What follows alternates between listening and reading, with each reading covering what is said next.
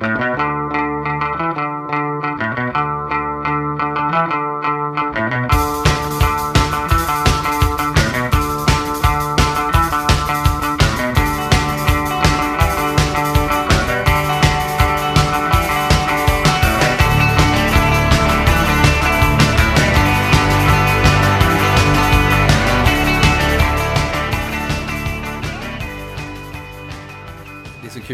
för att han har blivit större än sig själv. Eller förstår ni vad jag menar? Mm. Han har blivit en karaktär utanför spelbordet som man så här refererar till som, en så här, som att han vore en karaktär i en film. Så här, ah, det där är så jävla Gerard. Nu lät det som Gerard bara ja. Det var Ja. ju Erik som Jag vet som spelade spelar honom. Gerard. Ja. Det funkar ju uppenbarligen med två wildcard. Mm. Men ni är också olika som wildcard. Jag har tänkt på det att du har nog ganska lite airtime. Men att Gerard har trots det blivit en sån enorm person i våra huvuden liksom. Och då har ju du varit jävligt effektiv i ditt spelande. Du har ju knappt sagt någonting som inte bidrar till att bygga bilden av Gerard, skulle jag säga. Nej men alltså det, det nej, jag håller med. Jag har lyssnat på 12 avsnitt nu tror jag. Och varje avsnitt så är det en Gerard-grej som man bara så här. What? Vad fan? Som är så jävla weird typ. Ja men typ, alltså du sätter en standard i varje avsnitt så det blir rätt så här snyggt liksom. Bara.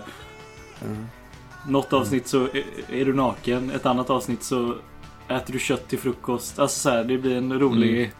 Men det här med naken, det var ju inte jag som... Jag tänkte ju inte på det. Ja, här sitter vi och pratar i gamla minnen om eh, kampanjen som vi nu ska släppa. Hej och välkomna ska jag säga till eh, Syndikatets eh, podcast. Eh, Det är Adam här. Och Simon? Och Erik. Två av de eh, fyra spelarna. Daniel och Martin är också med i kampanjen. Martin är inte med i början ska vi säga. Han kommer in kanske i avsnitt 10 eller någonting. Vi har spelat eh, Road Rats och det är det som ni nu ska få lyssna på. Det är en kampanj till Lex Occultum. Det som förut hette Götte Dämmerung. eh, Som görs av Riot Minds.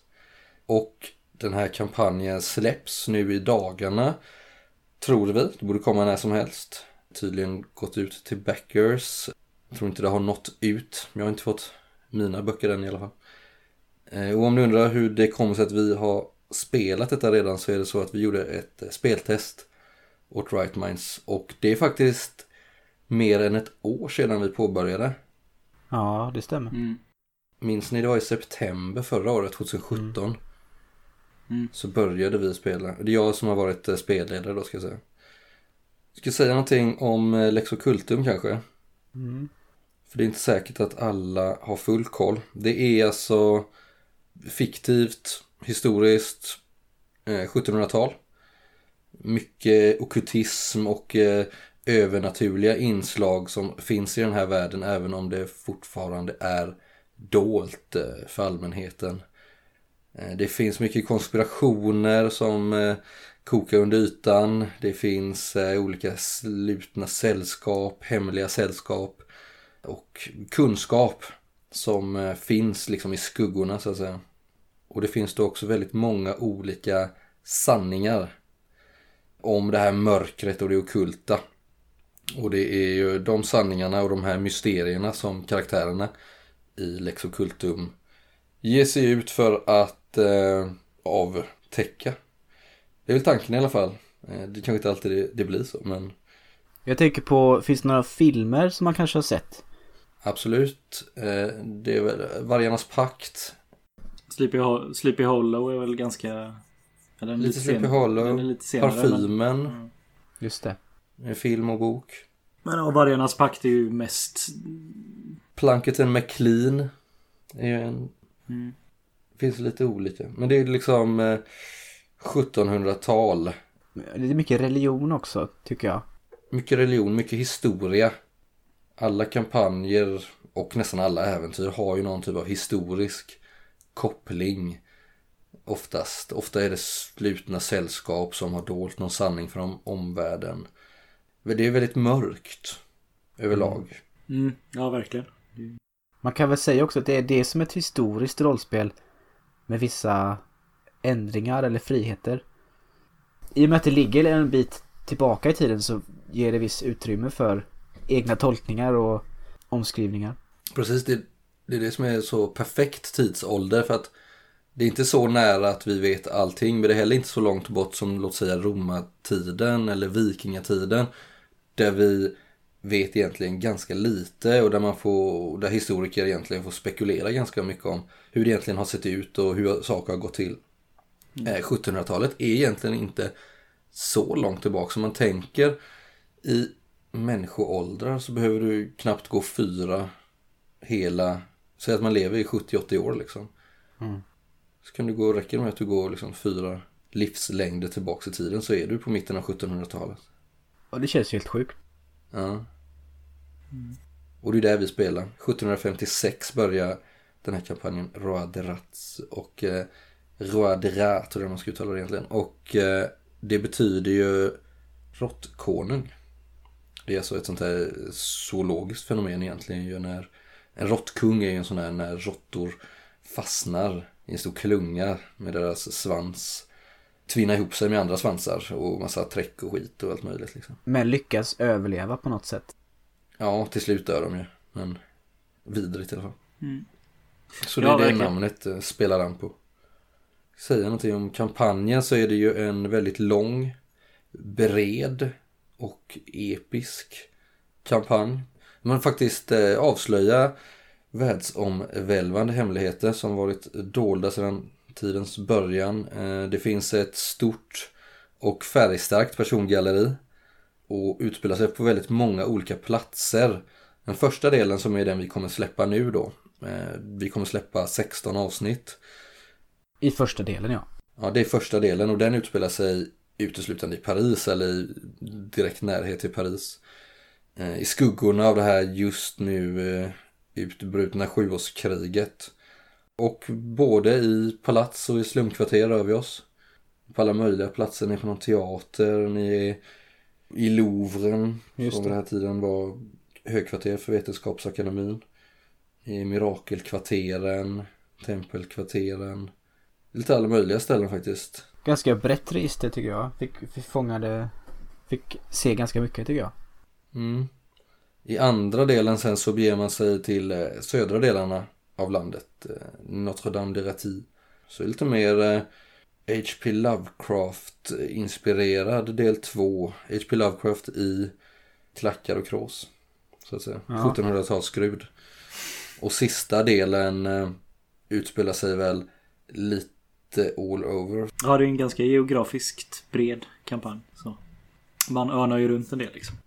Ja vårt spelsätt är väl, skiljer sig lite ifrån Dimväg. Vi har både allvar men även humor. Eh, det är mycket spänning, ibland lite skräck. Det är inte lika mycket hack and slash eh, som i Dimväg. Och inte lika mycket ödesmättad stor kärlek som står på spel heller kanske. Eh, men istället, vad får man istället tycker ni? Jag kan tycka att vi spelade ut karaktärerna ganska mycket mer. Det var mer färgstarka personer och mer tid för just det. Sen kan jag, kan jag tycka att med Dimväg, det blev en ganska seriös ton. Om man får jämföra det kort. Men eh, vi klippte ju bort en del skratt. Kan man ju ändå ja, säga. Ja visst, ja, vi garvade ju väldigt mycket där. Fast vi valde ju att göra en, eh, alltså valde ju att göra produktionen mer åt det tunga hållet. Väldigt koncentrerade scener. Ja. I eh, Roadrat så har vi ju hela tiden alla suttit i samma rum. Vi har inte kört någonting över, över nätet liksom. Utan du gör ju en helt annan gruppdynamik på så vis. Och det är ju ofta en lättsammare ton i Roadrats. Och det är mer skratt. Så det blir svårt att klippa bort det. Och det, det hade liksom förstört lite tycker jag. Ja, det hade tagit bort ett element. Så vi har valt att ha en lite mer lättsam ton emellanåt. Men sammanlagt, sammantaget så finns det ju kvar det här ganska stora djupa allvaret och stora mysterierna. Det har vi inte heller släppt liksom, utan det är ju det som är huvudfokus egentligen. Mm. Och vi spelar ju väldigt eh, karaktärsinriktat alltjämt. Eh, kanske ännu mer nu. Det är tio gånger mer eh, detektivarbete i... Ja, och det är mer problemlösning liksom både på Ja men ganska vissa helt banala grejer som vi bara ja, hade en, en, kanske en annorlunda lösning på. Och sen även på de stora grejerna så är det väldigt mycket innovativ problemlösning. Så att eh, gillar man den mer typiskt klassiska rollspelstilen så ska man verkligen lyssna på det här. Precis, och det är väl upp till lyssnarna att avgöra vad ni föredrar. Det ni har gjort allra bäst som spelare, det är ju i rollgestaltningarna som jag tycker är, har varit en ren njutning att få ta del av som, eh, som spelledare. Och jag som spelledare har ju fått spela ut alltså mitt eh, fulla register i tokigheter liksom. Högt och lågt. För, för att matcha våra tokigheter liksom? Eller vad menar du? Ja, precis. Och för att, eh, för att eh, kampanjen är skriven på så vis. Det finns så mycket utrymme att fylla i. Och det måste vi också säga här nu då att det vi speltestade var ju en, eh, en betaversion. Så när vi speltestade detta så fanns ju alla spelledarpersoner inskrivna men de fanns inte beskrivna. Så det har jag gjort eh, själv helt enkelt. Men Riot Minds tog med de beskrivningarna som jag hade gjort i det färdiga äventyret. Men det finns ju givetvis detaljer och eh, lite andra grejer som skiljer sig från eh, den färdiga utgåvan. Framförallt lite namn och sånt. Till exempel så heter ju eran vän eh, Allard heter ju Alain i den officiella utgåvan nu då. Ja. Så om det finns avvikelser mot det färdiga äventyret så eh, har vi varnat för det nu och vi ska ju också varna givetvis för spoilers om det är så att någon har tänkt spela det här själv så Ja, men så är det ju, i, så är det ju alltid i en actual play-podd. Ja. Men nu har vi sagt det i alla fall. Och eh, hur som helst så har det ju varit oerhört roligt att spela detta. Och vanligtvis brukar ju just kul kanske inte vara min främsta drivkraft när vi spelar rollspel. Det är väl många som har det. Men eh, det finns många andra saker inom rollspel som är minst lika värdefulla för mig som att bara ha roligt och skratta. Men just i den här kampanjen så har det varit sjukt roligt från början till slut. Ja. Det var ett lustfyllt eh, rakt igenom. Och jag hoppas att det skiner igenom. Ja, För det har varit, jag håller med. Det har varit svinballt. Och väldigt olika karaktärer med väldigt många olika positiva och framförallt negativa sidor som stöts och blöt mot varandra. Vill vi säga någonting av det? Vad, är, vad spelar ni för karaktärer, Erik? Ja, från eh, den ödestyngda Ristur så gick jag till att spela den... Eh... Bara tyngda? Oh, vad ska man kalla Jag vet inte hur jag ska bes börja beskriva Gerard Dufort, den här eh, medelålders mannen som är en författare främst. Och skrivit eh, små skräcknoveller. Eh, och har en ganska lång lista på böcker som han har gett ut och det har han kunnat livnära sig på. Och vid sidan av detta så har han ju en, eh, en ja, okult förmåga han kan alltså spå i tarotkort. Eh, och på så sätt förnimma saker som har skett. Och det har ju lett till att han har gett sig ut land och rike runt och försökt hitta massa mysterier och avslöja vad som har kunnat eh, ha hänt. Och speciellt då har han intresserat sig för mystiska händelser. Någon har sett en varulv eller eh, vad som helst som är, inte, som är oförklarligt. Då har han försökt försöka lösa detta för att hitta någon slags mörk hemlighet. Och det är väl där, lite där vi hittar honom sen. Precis, när äventyret börjar så sitter han i någon avkrok. Och den här förmågan du nämner är ju, det är ju en ganska vansklig ritual du har där. Men det kommer vi också bli varse. Mm. Vi kommer få lära känna Gerards person under resan, det vill jag lova. Mm. Och Simon? Ja, jag spelar ju Gislaine Rocco, en eh, pensionerad eh, kapten. Från eh, nuvarande Belgien, men då på den tiden tillhörde ju Nederländerna. Du är vallon. Eh, vallon, precis. Du är också medelålders. Ja, närmare 50, 45-50. Från att han var 20 har han liksom varit verksam i armén och klättrat uppåt i början tack vare att hans familj var adlig. Och den titeln blev de ju senare av med då. Och det är väl därför hatet mot Nederländerna har växt med åren liksom. Mm.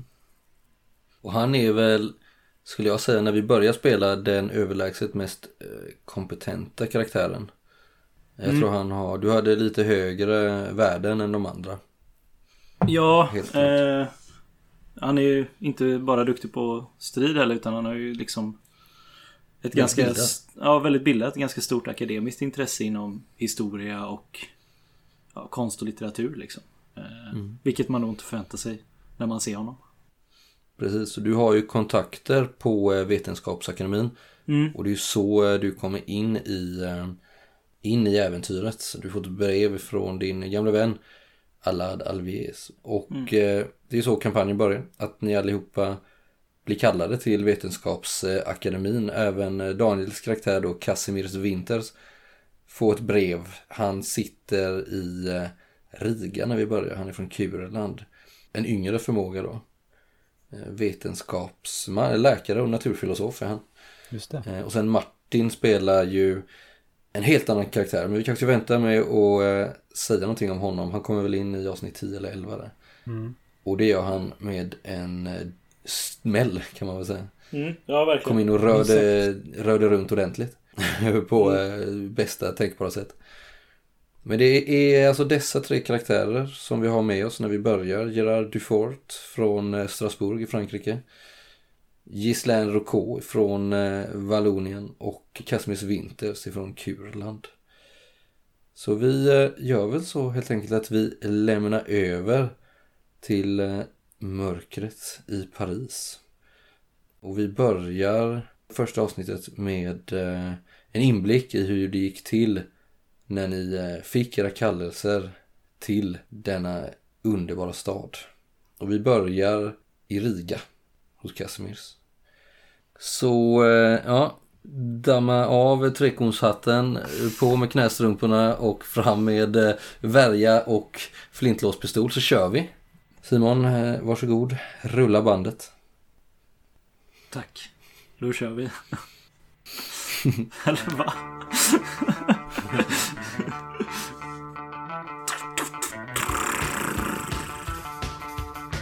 nu kör vi! Nu kör vi! Au revoir! Mon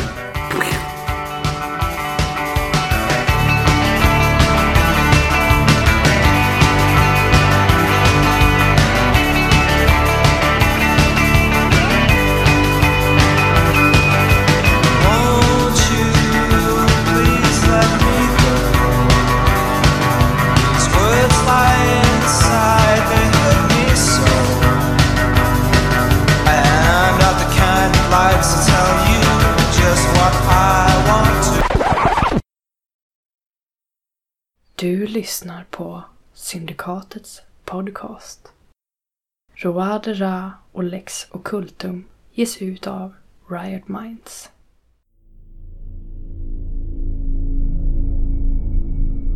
Roadera, Del 1 Acta est fabula plaudite Det finns två sidor till varje fråga.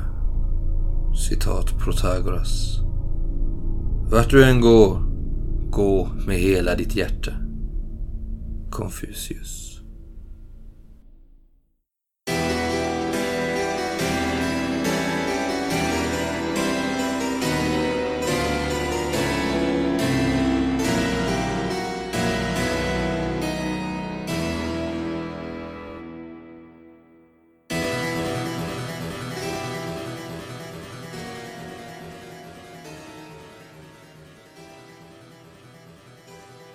Casimir Winters.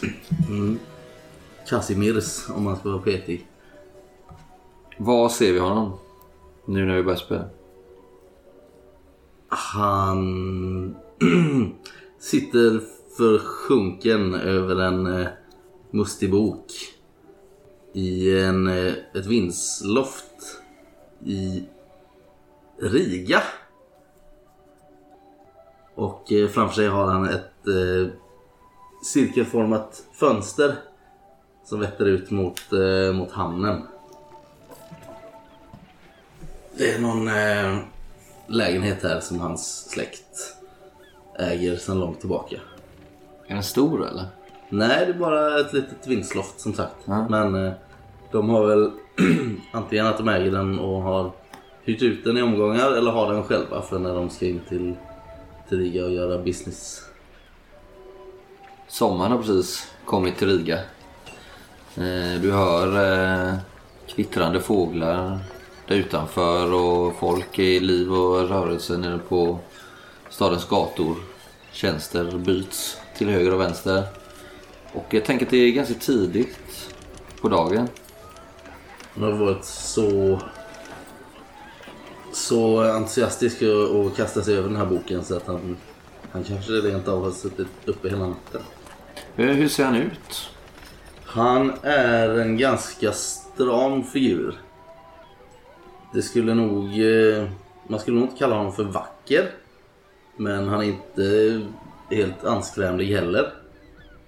Ehm, klär han upp sig så ser han nog ganska skön ut. Men eh, inte där han sitter just nu i alla fall osminkad och, och utan en tanke på att någon ska... Utan en tanke på att träffa någon. Ehm, han är, ung. 25-årsåldern. Kanske lite yngre till och med. Och eh, har väl ett ganska pojkaktigt utseende. Fortfarande. Han verkar inte ha gjort så många hårda arbetsdagar i sitt liv. Släthyad och eh, utan några blämmor och blåsor och eh, alla lemmar sitter där de ska och så vidare. Pianofingrar. Precis. Du störs i din eh, koncentration av att det, det knackar på dörren till loftet här. Och du känner igen rösten från din, eh, en av era, era eh, från tjänstefolket. Arturs. Är det. Den hetlevrade eh, sonen till eh, tjänstefamiljen som ni har haft i så länge du kan minnas. Mäster, mäster! Du har ett brev. Öppna, släpp in mig. Jag slår igen eh, den här boken. Drar eh, ett svart samvetsskynke över den så att han inte ska se vad det är som händer här inne. Ehm, och stegar bort över de knarrande golvplankorna till den, den låga dörren. Låser upp tunga låset. Han står där med, med andan i halsen och... Mäster! Arturs, vad är, vad är det frågan om? Det har kommit brev. Varför så bråttom? Det kommer väl brev varje dag? Ja men det här, det här, det här är från... Det, din far bad mig att uh, ila. Jag har ridit spårsträck från godset. Oj, Så räcker han över ett... eh, ser han sliten ut stackarn? Ja, han har ridit hela natten. Eh, så sträcker över ett, eh, ett brev. eh, eller i en sån eh, rulle, brevrulle. Som du öppnar. Eh, och det är ju brutet. Eh, förseglingen är ju bruten. Då. Och du ser ju att eh, det här sigillet eller vad man ska kalla den. Eh, Stämpeln liksom. Eh, från eh, Paris. Ser du att den är stämplad? Låt mig eh, läsa i fred. Här, ta... eh, Jag kastar till honom ett par slantar. Gå ner och sätt dig på tavernan här vid hamnen. Han står kvar. Jag tittar på dig liksom. Är du säker mäster? Ja, låt mig läsa. Ja. Han eh, dröjer sig kvar men sen motvilligt så springer, springer han ner igen. Nej, men jag rullar ut eh, brevet. Eller var det i ett kuvert så? Ja det kom ja. Det var ju ett, eh, det var ett brev i en sån här eh, Tub. tub ja. Ja. Eh, Där det står att du har fått en inbjudan från eh, Franska Vetenskapsakademin. Som har uppmärksammat ditt arbete. Och, det, och rent av din upptäckt. Upptäckten av eh, gasformen. Vilket kanske... Lite, lite förbryllad genast. Precis. Men... Eh, Och jag har läst din rapport. Eh, och så, som de nämner vid namn då. Och eh, en av våra vetenskapsmän här på eh, akademin. En eh, man vid namn eh, Fredrik Busson. Har tolkat och översatt ditt, din upptäckt då. Och den har fått spridning på akademin. Man nämner också en skotte vid namn Joseph Black. honom har jag kanske redan hört talas om. Kanske det? Som har gjort eh, en liknande upptäckt. Eh, men de misstänker lite lismande nästan att du kanske var först. Och av den anledningen vill de jättegärna bjuda in dig till sin eh, akademi. Och de är givetvis redo att eh, tala med sina ryska ambassadörer i staden för att göra levernet trevligt för dig i Paris. Ja. Eld och lågor över detta. Så eh, rafsar jag ihop mina grejer. Nej det gör jag inte alls. Jag låter alltihopa ligga förutom där, eh, den där boken som kanske ingen ska få se. Den packar jag ner längst ner i min koffert. Sen eh, klär jag mig hastigt. Springer ner till Arturs. Slår in dörren till eh, värdshuset. Arturs, vad är du? Här mästare, Vi måste bege oss genast. Ja, jag, jag ska bara... Så eh, drar han i sig sitt eh, stop som han precis har fått in där. Eh, jag är så törstig så det dammar i strupen, mäster. Var det goda nyheter? Det var det. Det var det verkligen. Måste lämna dig för en tid. Och hela hertigdömet. Men eh, det är goda nyheter. Är han läskunnig eller vet jag? Du, ja det är han väl kanske. Fast det är inte på franska kanske. Nej, Nej, det är- att det här var skrivet på franska. Det här var på franska. Ja. Absolut. Och det kan han ju inte läsa. Nej. Nej men jag eh, ser till att eh, han packar ihop mina grejer. Medan jag otåligt står och stampar med foten och käppen. Och sen eh, måste jag ju resa hem då egentligen först. För att samla ihop mig. Ordna en resa till Paris. Vi har ju en hamn vid vårt gods, eller väldigt nära. Som, eh, som släkten har bekostat. Som sen har blivit lite av ett eh, kapartillhåll. De här Östersjökapare och fribrytare och en och annan pirat kanske som lastar av där. Ehm, så därifrån skulle man ju kunna ordna resan sen. Eh, Men jag måste ju också hitta den här eh, rapporten som jag skrev för många år sedan. På eh, Kejserliga vetenskapsakademin i Sankt Petersburg. När jag studerade där. För jag är ju inte helt säker på vad det är de är ute efter här. Nej, för det har ju gått en liten tid sedan du skrev den här. Vad, vad, gjorde, du under, vad gjorde du under den tiden? Jag har ju varit i Sibirien på en eh, typ av eh, Carl von Linné inspirerad eh, exkurs, säger man så? En expedition ut i eh, östra Sibirien för att kartlägga floran. Det skulle bli någon typ av uppslagsverk där. En flora siberiae. Men eh, det kom inte så långt för den expeditionen gick under under omständigheter som eh, som inte riktigt är fastslagna. Det är ingen som riktigt har förstått vad som hände.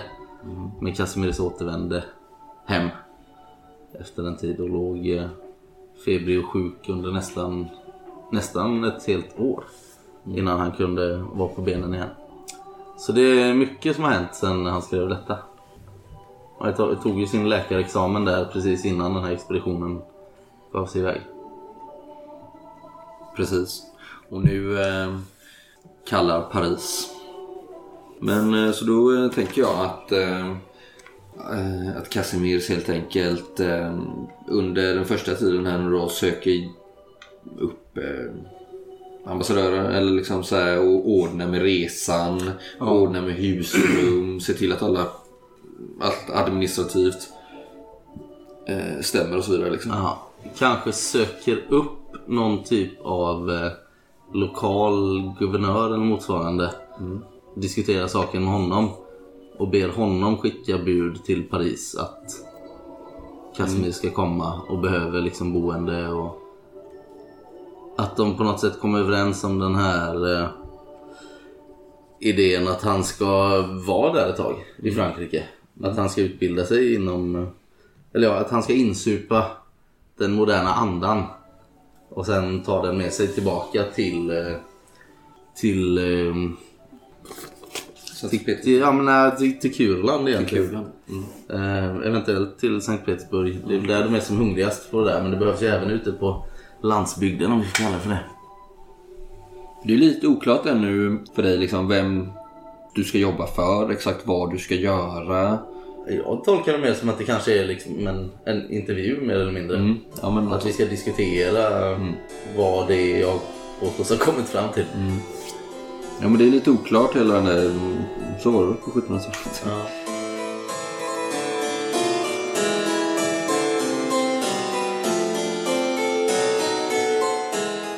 Vi byter fokus här nu då. Eh, Och vänder våra blickar mot eh, Vallonien. Ja. Och rättare sagt eh,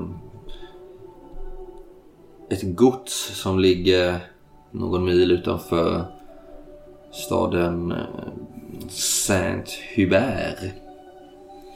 Där sitter eh, Ghislaine, Ghislaine Roucault. där sitter Ghislaine Rocco. Eh, med en god vän va? Mm, god vän och tillika före detta officerarkamrat liksom. Inom den habsburgska armén. Eh, vi sitter väl och dricker genèver och pratar om liksom gamla Gamla soldatminnen. Mm. Lite halv Halvberusade sitter vi i mitt stora gods där bara två, två rum används. För tillfället. Varför är det så då? Han, Gislaine tycker kanske inte att han behöver mer än de två rummen just nu. Och det kanske har att göra med att han inte har så, så stabil inkomst sen han pensionerade sig som kapten inom, inom armén. Men han behåller gärna godset för det är ja, det sista han har kvar av sin, sin familj. Precis, från tiden när ni var adliga. Men Precis. familjen Rocco har ju tyvärr inte kvar sin adelstitel längre. Nej, Sedan kanske, vad sa vi, 20-30 år 20, tillbaka. Ja, 20, ja, 20 år lite drygt. Och detta på grund av att familjen var aktivt emot Habsburgarna under en ganska lång period. Och till slut var det väl någon som tröttnade och tog deras titlar och deras gods förutom det här. För de som inte vet, det kan vi säga att Vallonien ligger ju alltså precis norr om eh, franska gränsen. Eh, och de flesta valloner talar ju franska och kanske också känner sig lite mer besläktade med den kulturen. Mm. Eh, medan holländarna i norr eh, har mer gemensamt med flamländarna. Som ni delar marken med. Och även kanske huvudstad nu. När, ni- nu när det som senare kommer att bli Belgien nu kallas de nederländska... Nej, de österrikiska Nederländerna. Som tidigare var de spanska Nederländerna. Men där sitter ni och talar om, eh, om tiden som flytt och kanske också om eh, alla nya strömningar. Det finns ett krig som eh, stundar. Nu tänker jag att vi kanske inne i augusti. Mm. Sen sommar liksom. Ja, 1756. Och ni sitter där och eh, vad är det ni tittar ut över för... Vad har du för ägor? Just alltså de, de har inte blivit brukade på flera år för jag har ju inte varit hemma riktigt så mycket. Förutom de senaste två åren kanske har jag varit mer hemma eftersom jag pensionerade mig. Men innan det har ju huset bara stått och halvförfallit. Så jag har kommit hem fått dåligt samvete, fixat till det och sen åker iväg igen liksom. Så att det är ju... Och själva ägorna har jag nog inte brytt mig om. Alltså så här. Kan tänka mig att jag arrenderar ut lite mark till någon bonde eller någonting som som använder marken men jag själv odlar inget eller så liksom. Och det här rummet ni sitter i då, hur ser det ut? Ganska sparsamt inrett kontor, tänker jag mig. Stort skrivbord står, står närmast fönstret. Vi sitter framför en eldstad. Det kan, jag kan tänka mig att det är lite kyligt så här på kvällskvisten. Kall, kallt. Augusti kanske det har varit. Eh, Så vi sitter i varsin fåtölj framför en öppen spis. Eh, Kanske rent av den enda öppna spisen som är aktiv i huset just nu. De andra kanske har ja, inte underhållits så väl. Eh, skorstenar och dylikt. Och det rör sig en eh, tredje person i bakgrunden också, eller hur? Mm, han... Eh, min eh, gode vän och tillika... Ja, vad ska man säga? Allt i allo har han väl varit hela Det är din betjänt framförallt. Ja, jag väljer att inte kalla honom det. Det är min... Eh, Handgången man. precis. Behöver jag få någonting gjort så är DuPont, som han heter, min... Min go-to guy. Eh, men ja, betjänt i andras ögon. Absolut. Och Han står där, han har en eh, vit eh, puffskjorta eh, och en, eh, en stram väst över det. Eh, knäbyxor och han står där och på din eh, inrådan häller han upp eh, ytterligare. av sitt eh, glas Genève och din vän. Eh, han är ju inte helt hemma i den här eh, pass rollen utan ni snarare känner varandra från tiden då ni låg i fält. Mm. Eh, Där han fungerade som din eh, högra hand eller nästintill väpnare om man kan kalla det för det. Mm. Nu finns det väl inga väpnare inom armén på det sättet. Men han var ju min... Han var ju min betjänt men han agerade mer som en väpnare. Och man liksom satte upp tältet och fixade mina vapen och allt sånt liksom. Men om vi vänder blickarna mot eh, Gislaine. Hur ser han ut när han sitter? Just nu är han lite högröd i ansiktet för han har druckit Genèver och sitter vid elden men... Eh, han har mörkt, alltså mörkblont, väldigt mörkblont eh, hår. Ganska långt, nästan lite... Ganska skarpa drag i ansiktet. Eh, ser ut att ha haft ett... Han är inte ärrad men man ser på honom att han inte har levt... Suttit i en soffa hela sitt liv. Utan han har varit fysiskt aktiv. Eh, Det som utmärker sig mest är att han har en lapp för ögat. För höger öga. Det är väl det, liksom det folk lägger märke till först. Men det ögat som man ser, ser han ser ganska snäll ut ändå. Snäll men... Ja men det här lite militära hållningen liksom som... Som syns på någon som har varit i armén för länge liksom. Eh, Hur gammal var han sa du? Han är så gammal som 45. Fyllde han i juli. Men Så en ändå, nybliven 45-åring. ändå kvar viss eh, vigör. Absolut, han är vältränad liksom. Mm. Ganska enkel, simpelt klädd nu när han sitter hemma i sin egen salong. Mm. Inga utmärkande kläder så. Vad pratar ni om där? Eh, jag har väl pratat gamla minnen om när... Nej men gamla, gamla arméminnen. Vi har ju liksom varit verksamma tillsammans i alla fall i 15 år säkert. Så vi har ju ganska mycket minnen. En del skitsnack om Habsburgarna blir det väl. Mm. Eh, för min, min gode vän är liksom jag lite emot det styret. Mm. Han har också lämnat armén. Och sen eh, tänker att Gislaine pratar väldigt så han brinner och liksom berättar att... Ja men berättar hela sin bakgrund. Som den här killen har hört tusen gånger men han berättar det gärna igen att han växte upp som adlig men fick lära sig livet som icke-adlig om man säger så. Och att han har en väldig respekt för alla typer av... Alltså det här samhällstänket som man är uppfostrad till när man är adlig. Att Ja men de är bara tjänare, de är smuts och liksom det blå blodet och allting. Det är bara skitsnack tycker Gislaine. De bästa människorna han träffat det är hans, hans kamrater i krig och de har kommit från alla samhällsklasser. Det är, du bevisar inte någonting genom att du är adlig, du bevisar det genom handling och... Pratar ni om eh, skattefrågor och sånt också till exempel? Och... Ja, ja, ja. Gislaine tycker ju skatten är alldeles för hög här. Fan, jag har ju knappt råd att... Du är ju inte van vid att... Eller din släkt har ju inte, var, har ju inte behövt betala skatt tidigare. Nej, och nu... eh, Jag tror ju att jag betalar högre skatt än alla andra bara för att jag heter OK i efternamn. Låter ju nästan som att eh, du, säger din gode vän... Eh, vem vet, om det inte vore klokare för dig att söka dig till andra marker nu när det, kriget står för dörren dessutom. Ja, jag har funderat på det. Du vet att eh, Habsburgarna, de, eh, men sluga de ja, jäklarna. de misstänker alla för att vara kappvändare och förrädare. har du en gång blivit anklagad för det så är det inte lätt att ta sig ur det. Jag vet ju att du aldrig skulle förråda ditt folk men Din syn på vårt folk och deras syn på vårt folk är väl två olika. ja, Tyvärr.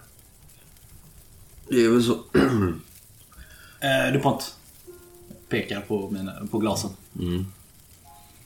Nej, frihet och jämlikhet det är... Ja. Det har jag alltid sagt. Eller ja, sen jag... Mm, Och eh, när ni säger detta så kommer DuPont givetvis fram eh, som den trogna kännare han är. Eh, och eh, fyller på era glas med Genève. Jag tänker mig att flaskan är en sån glasflaska i... i I korg. ja, inklädd i en korg liksom. Som står på nöden. Hellre det sista i flaskan.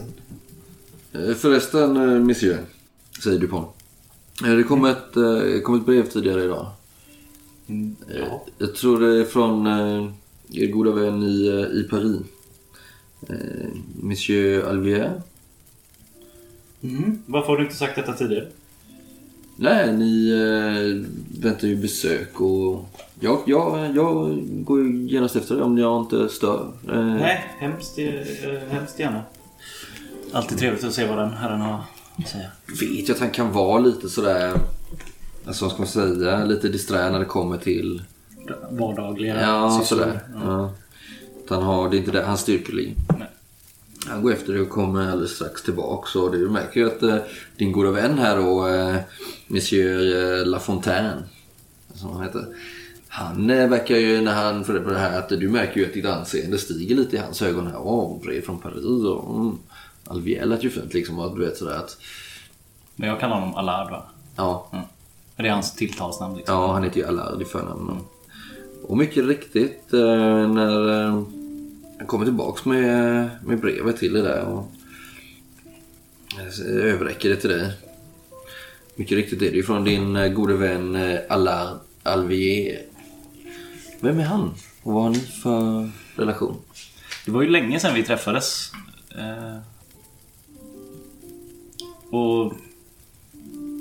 Alltså våra, våra vägar korsades väl helt av slumpen så att säga. Vi satt väl på något värdshus tillsammans och fattade tycke för varandra att den här, i alla fall i mitt fall var det att herregud vad skönt att prata med en människa som är lite bildad för en gångs skull. För att armén är all ära men samtalen kanske inte alltid är så så... Eh, Så djuplodande. nej, och det är tal om krig och liksom krigsföring men, men jag kommer från en mer bildad bakgrund så jag har ju ett litterärt intresse och ett histori- historiskt intresse vilket inom armén jag kanske inte fick utnyttja och då blev Allard min källa till lite mer Lärdom. sofistikerade samtal än de jag har för med mina kamrater i armén. Liksom.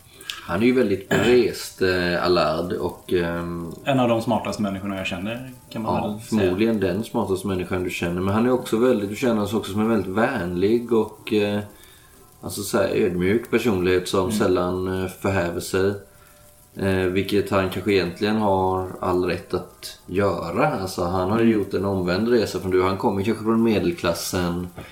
Men tack vare sitt läshuvud och sin förmåga att ta in nya saker så har han snabbt stigit efter sina, efter sina resor. Han har varit ute på de sju haven och gjort många expeditioner. Liksom.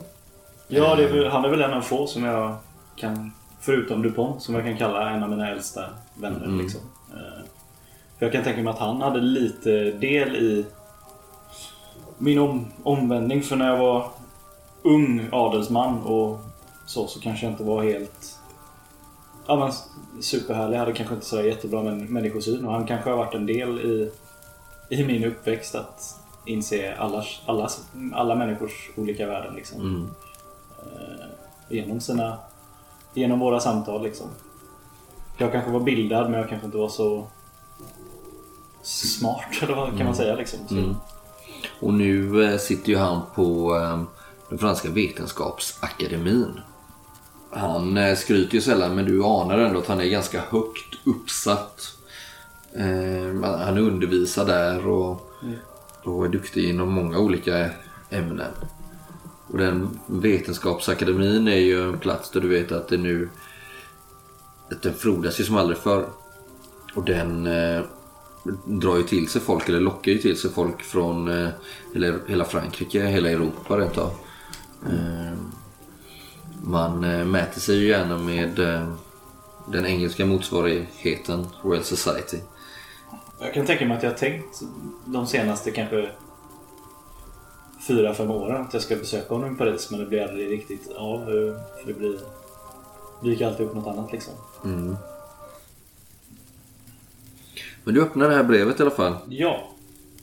Och där, han svarar ju artigt på det ni talat om senast och håller med dig i dina argument om att eh, Ja men jag kanske har någon... eh, Vi kanske diskuterar litteratur rätt ofta. Jag Ja. kanske har läst någonting nyligen som jag gillade eller inte gillade och eh, analyserade för honom och han... Och han höll verkligen med dig om, om det liksom. Samtidigt som han säger att det finns de som är bättre på eh, litteraturen än vad jag. Till exempel min, min goda vän Louis, Louis eh, Racine. Som eh, sitter med i, eh, i akademin för i den språkakademin. Men eh, tyvärr pratar jag inte mycket med honom idag sedan han sedan han förlorade halva sin familj i Lissabons jordbävning i höstas. Jag gör korset. Mm. Annars hade vi tre haft fantastiska samtal om eh, konst, litteratur och historia. Det försäkrar han. Eh, och sen så sig också över världsläget och hur tufft det verkar vara här i eh, Vallonien. Och vilka umbäranden du verkar få utkämpa liksom. Eh, och han säger att borde du inte kanske söka dig därifrån, i alla fall för en liten stund. Eh, jag har nämligen eh, en sak att be dig om. Eh, skulle du vilja vara så vänlig att resa till Paris för att bistå mig i mina sökanden? Ja, du förstår, jag har så himla mycket att göra. En av mina kollegor vid namn Fredrik Bousson är sedan en tid försvunnen och jag kan inte för allt i världen förstå vart han har tagit vägen. Jag behöver en handlingskraftig person, någon jag kan lita på. Som skulle kunna hjälpa mig med detta. Vad säger du? Gislaine? Kan du tänka dig att hjälpa en gammal vän? För gamla tiders skull. Sitter nog och läser brevet ganska långsamt för jag vill njuta av det. Eller så här liksom. Mm. Jag får bara ett brev kanske varannan vecka. Och miss, Monsieur Lafontaine, du låter ju honom sitta där och... Mm, ja, det har jag Du kanske gör lite små gester så oh, skrattar till lite och sådär. Och han, han, är ju, han har ju alltid varit en grad under mig Ja. så jag är ju lite... Han kanske sitter där i goda 20 minuter och Ja, ja, jag bara mig- betraktar dig. Jag skäms liksom inte över sånt. Utan jag sitter där och läser och sen tittar jag upp. DuPont, Ja, monsieur. Gör redo min droska. Vi ska till Paris imorgon. Ja, monsieur. Genast.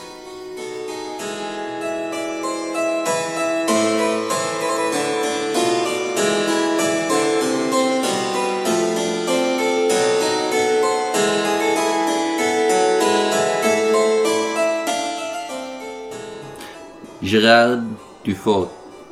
I tre dagar har du suttit instängd som en fånge på eh, det här värdshuset i den lilla byn Bient. Regnet fullkomligt öser ner och smattrar oavbrutet mot taken. Blixtar sliter sönder himlen. Åskan som dundrar får de tunna glasrutorna att dallra oroväckande. Men värst är ändå stormen som hugger och drar i fönsterluckorna och som oavbrutet kastar sig mot husets tunna väggar. Byborna påstår att de aldrig upplevt en storm som denna tidigare. Någonsin. Inte ens de hemska vinterstormarna 1709 då Särnfloden frös till is, brödet inte gick att skära och vinstockar, apelsinträd och valnötsträd förstördes i hela landet. Det är av förklarliga skäl inte många som kommit till värdshuset ikväll. De flesta stannat hemma och bommat igen sitt hus eller öser vatten från golven där det regnat in. En ensam suput sitter i ena hörnet, en gumma i det andra. Värdshusvärden skurar baddisken för femte gången i rad och ser brydd ut över förlorade inkomster. Hur i Guds namn hamnar du här? En avkrok, en liten by utan något annat att erbjuda än ett enkelt värdshus utan underhållning. Den torkade fisken smakar surt. Vinet smakar beskt. Och brödet är fullt av mögel. Gerard Dufort. Hur ser han ut? När han sitter här i värdshuset i Biant. Han ser ganska uppgiven ut. Han eh, ifrågasätter väl sina egna val. Han har trots allt begett sig hit eh, självmant. Men han kanske börjar ångra det ganska grovt, tänker jag. Du är långt hemifrån. Du kommer från Strasbourg Ja, det är ju tvärs över landet va? Och nu är du i Bretagne. Mm. Inte långt från kusten. Han är ju inte en ung man. Han är ju 40-50 år någonstans. Eh, Visserligen har han sett sin beskärda del av svårigheter och kalla tider men det här slår väl nästan allt. Jag ska säga att det är ju kanske den första riktiga eh, höstovädret som har svepit ner här över Frankrikes västkust. Det är ju eh, augusti. Eh, sensommar. Det har varit en ganska kall sommar eh, som nu är till sin ända. Och nu är hösten här med besked. Vad har du på dig och eh, lite mer sådär? Hur ser det ut? Jag har en, eh, en lång rock Eh, som har varit kanske mer klarröd en gång i tiden men nu är ganska sleten. Han klär sig väl ganska nära sin klass. Han är ju medelklass, borgare. Men eh, inte fullt så eh, pryd eller Du har ju också gjort besök i de eh, övre klasserna när du har varit på eh, din eh, mecenats salonger. ja, Eh, deltagit i de eh, litterära salongerna där. Men jag tänker att han då, då, då borstar han bort det värsta och kanske tvättar lite med vatten. Men i övriga fall så gör han, det är han inte så brydd om att han får lite smuts på sig. En ganska liten man. Ja, han är en väldigt liten man. Eh, och jag har skrivit 1,60 har jag för mig. 1,60 ja. 50 kilo. Han, eh, han har ganska stora kläder. Eh, så stor rock så att han, det syns ju inte riktigt hur riktigt smal han är. Eh, men eh, vad ska man säga? Eh, han har inga raka axelpartier. Man säger. De är ganska sluttande. Slokande. Slo, ja, riktigt dålig hållning. Och riktigt smala, lite korta Ja. armar va? Och lite Ja, överdimensionerat huvud. Ja, men tänk en liksom 70-årig gubbe liksom. Fast Mm. i en 45-åringskropp. Sitter där och undrar vad dina undersökningar och efterforskningar, vad de egentligen har tagit dig, vad du egentligen håller på med. Men du har svårt att bryta det här mönstret. Länge sedan du var hemma i Strasbourg. Mm. Säkert ett halvår sedan. Jag tänker väl att eh, Gerard, jag är väl ändå eh, van att resa själv och eh, van att gå på nitlotter. Att det inte alla spår jag följer leder till eh, att jag hittar någonting. Men nu verkar du nästan ändå vara på någon typ av botten här liksom. Plötsligt så kastas dörren till värdshuset upp. Det starka vinddraget får lågorna på ljusen att slockna för en sekund. En genomblöt man stiger in och slår igen dörren bakom sig. En pöl bildas under hans fötter. Den här mannen han, eh, han ser sig om. Han söker av rummet ser du. Hans väderbitna ansikte bär ett stort ärr från pannan till kinden.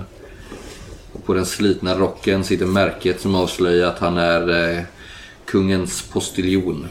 En eh, nattens ryttare med bud. Han skakar av sig i regnet och tar ett par snabba steg fram mot baren.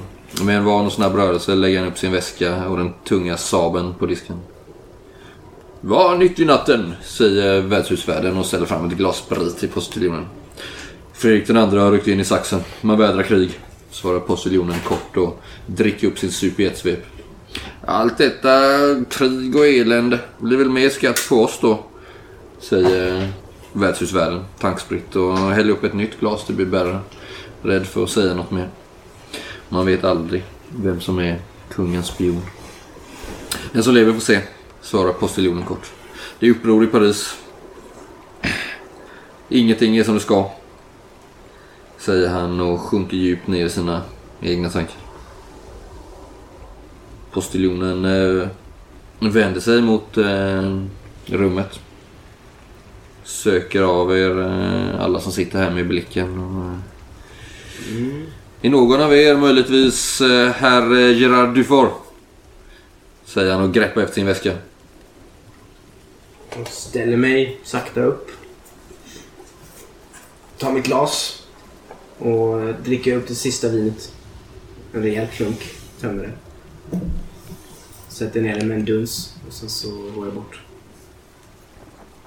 I så fall har jag ett eh, brev till dig. Och Gud ska veta att jag har fått leta. Jaså? Jag sträcker över ett brev. Ja, låt mig se. Det här är skickat sent i oktober förra året. Förra året? Jag är den femte postiljonen som eh, har ridit med det här brevet. Jag eh, tog mig till Strasbourg. Ja. Jag förstår att eh, din eh, arma fru lever i ensamhet och fattigdom. Hon eh, skickade med ett brev till dig. Eh, Får jag läsa? Jag roffar upp mig något ljus från bardisken. Kom närmare. Här så sträcker han ha en sån eh, cylinder liksom. En typ. Mm. Här. Och så sträcker han över. Så du har träffat min fru? Säger jag och vecklar ut. Det är på det brevet du eh, vecklar ut. Så eh, ser du att det är en stämpel från eh, Franska Akademin. Det är inte från min fru då kan vi säga. Nej. Han... Du ser hur någonting sticker upp från inifrån hans... På insidan av rocken. Mm. Ett brev. Ja. Och här, eh, säger han och eh, pillar upp brevet ur sin ficka och överräcker till dig. Här är från frugan. Du ser att han verkar inte riktigt vilja släppa det ifrån sig förrän han kanske får något utbyte. Men alltså... Har du något i etikett? Ja, då har jag tio. Ti- Ja, du förstår ju att han eh, vill ha pengar. en, eh, ja, han vill ha en mynt för det. Men jag slänger åt honom eh, ett par mynt. Mm. Han sitter lite surmulet på det och så tar han sin ränsel, eh, drar Ja, hon är inte värd mer kan jag säga. säger han. Eh, tar på sig sin eh, trekonsert eh, som han har eh, slå av vattnet ifrån och eh, ge sig ut i Men natten. vänta, ska, ska du bara gå nu? Mitt jobb är gjort. Jag har sökt efter dig i eh, tre månader.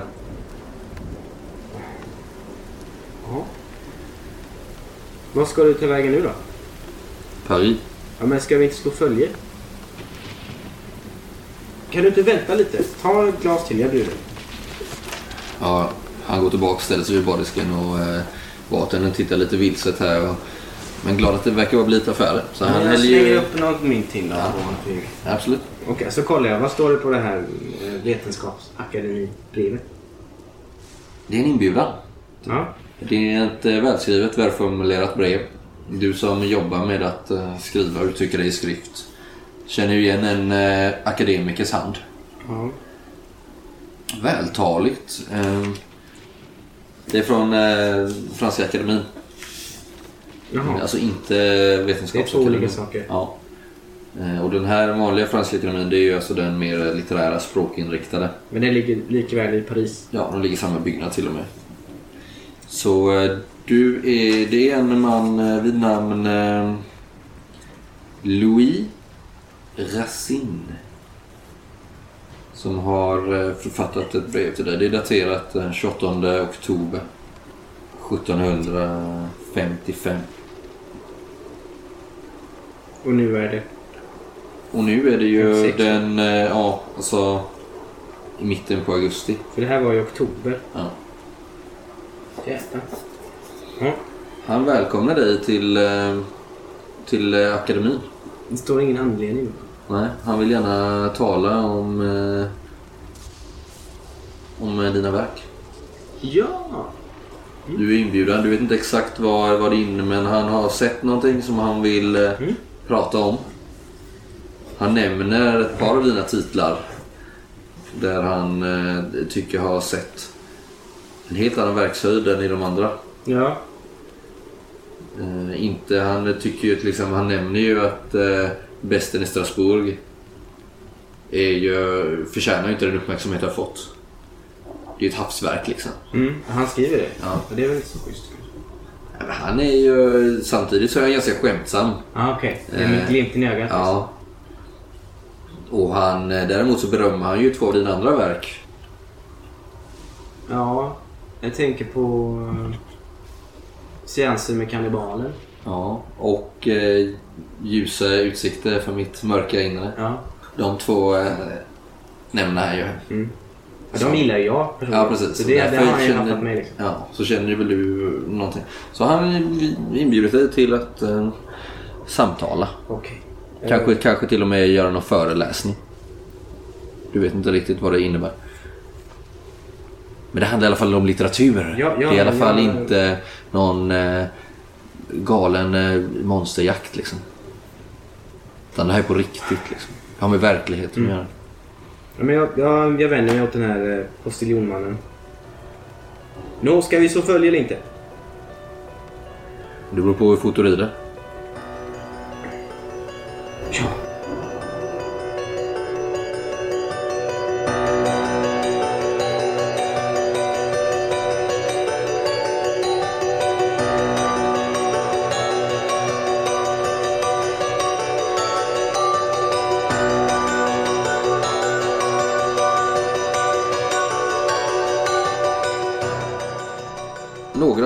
Senare så har ni alla i månadsskiftet mellan augusti och september så har samtliga ni tre eh, äntligen kommit till Paris. Casimirs Winters, Ghislaine Roucault och eh, Gerard Dufault. Vad, vad stod det i min frus då? Var hon fattig? Det var... Skrev hon? Hon undrar ju var du håller hus. Ska hon skita i? Och... nej, alltså, han skickat med eh, två dikter.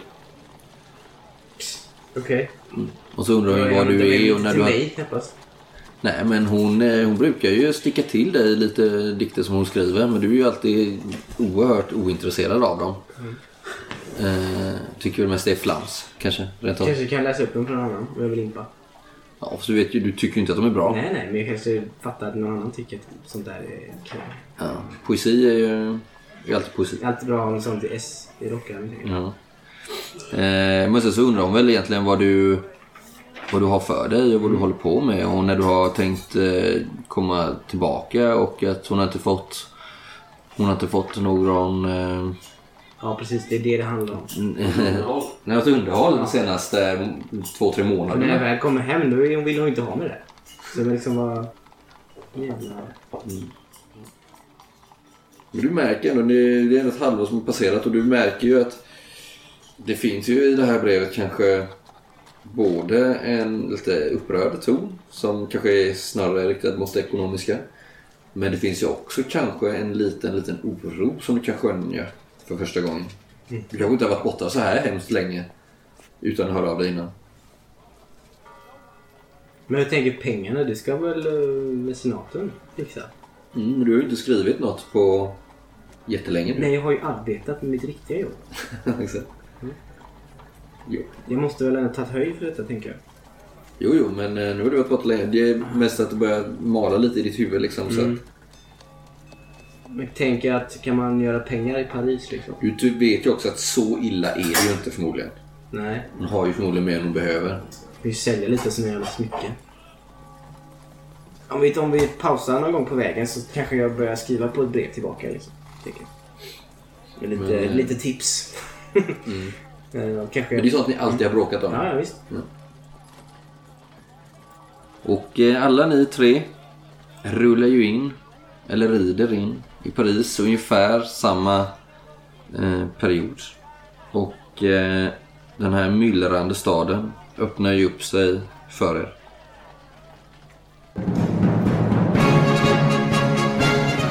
Välkomna till Paris, miljonstaden. Centrum kring vilken alla andra städer i Europa cirklar. Hjärtat som pumpar nytt blod till världen, både den gamla och den nya. Här finns de storslagna palatsen, de oändliga trädgårdarna, nyanlagda avenyer, akademier, kollegium, salonger, skönhetsinrättningar. Gatorna kantas av parfymerier, perukmakare och hantverkare vars hantverk håller absolut yttersta klass. De sigillbeklädda droskorna rullar fram och tillbaka mellan slottsparkerna och över broarna. Den ena byggnaden är pampigare och mer påkostad än den andra. Människorna klär sig i absolut senaste mode. Allt annat vore en direkt förolämpning mot umgänget. I varje gatuhörn byggs det något nytt. Kyrkor restaureras, kupoler sätts samman, koppartak slås, gatlyktor sätts upp. Här finns upplysning, förnuft, utveckling. Men allt är inte guld som glimmar.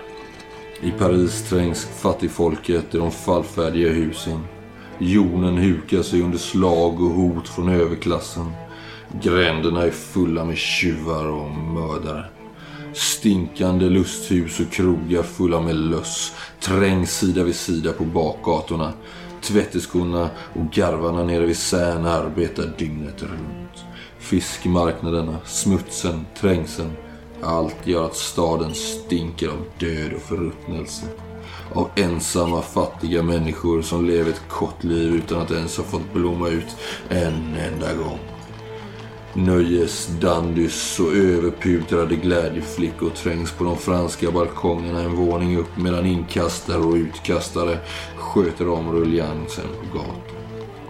Allt tal om jämlikhet och förnuft ligger som en hägring över salongerna. Men här, i de trånga gränderna, är det den starkes rätt som gäller.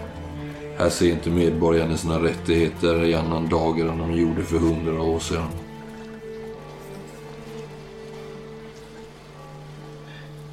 Ni ser en flicka med stor korg full med äpplen som stöter emot någon av er när ni ankommer till Paris. Fina herrar, får det lov att vara ett äpple? Endast två ören, tre för fem, säger hon och vägrar släppa er med blicken. Har hon inte sålt innehållet i korgen före kvällen väntar en natt på tom mage. Två pojkar rusar förbi och stjäl varsitt äpple ur korgen innan de försvinner bort i mängden av folk som trängs på gatan. En frikyrklig förkunnare i luggsliten svart kappa och prästkrage ropar ut sina sanningar med en uttjänad fisklåda som scen. En liten skara lyssnar och hans ord om undergången skär som knivar genom bruset av alla rop och röster. Snart är det mörkt och ni måste fort hitta någon som kan hjälpa er hitta till Vetenskapsakademin innan ni gör bort er i gränderna och blir offer för nattens varelser.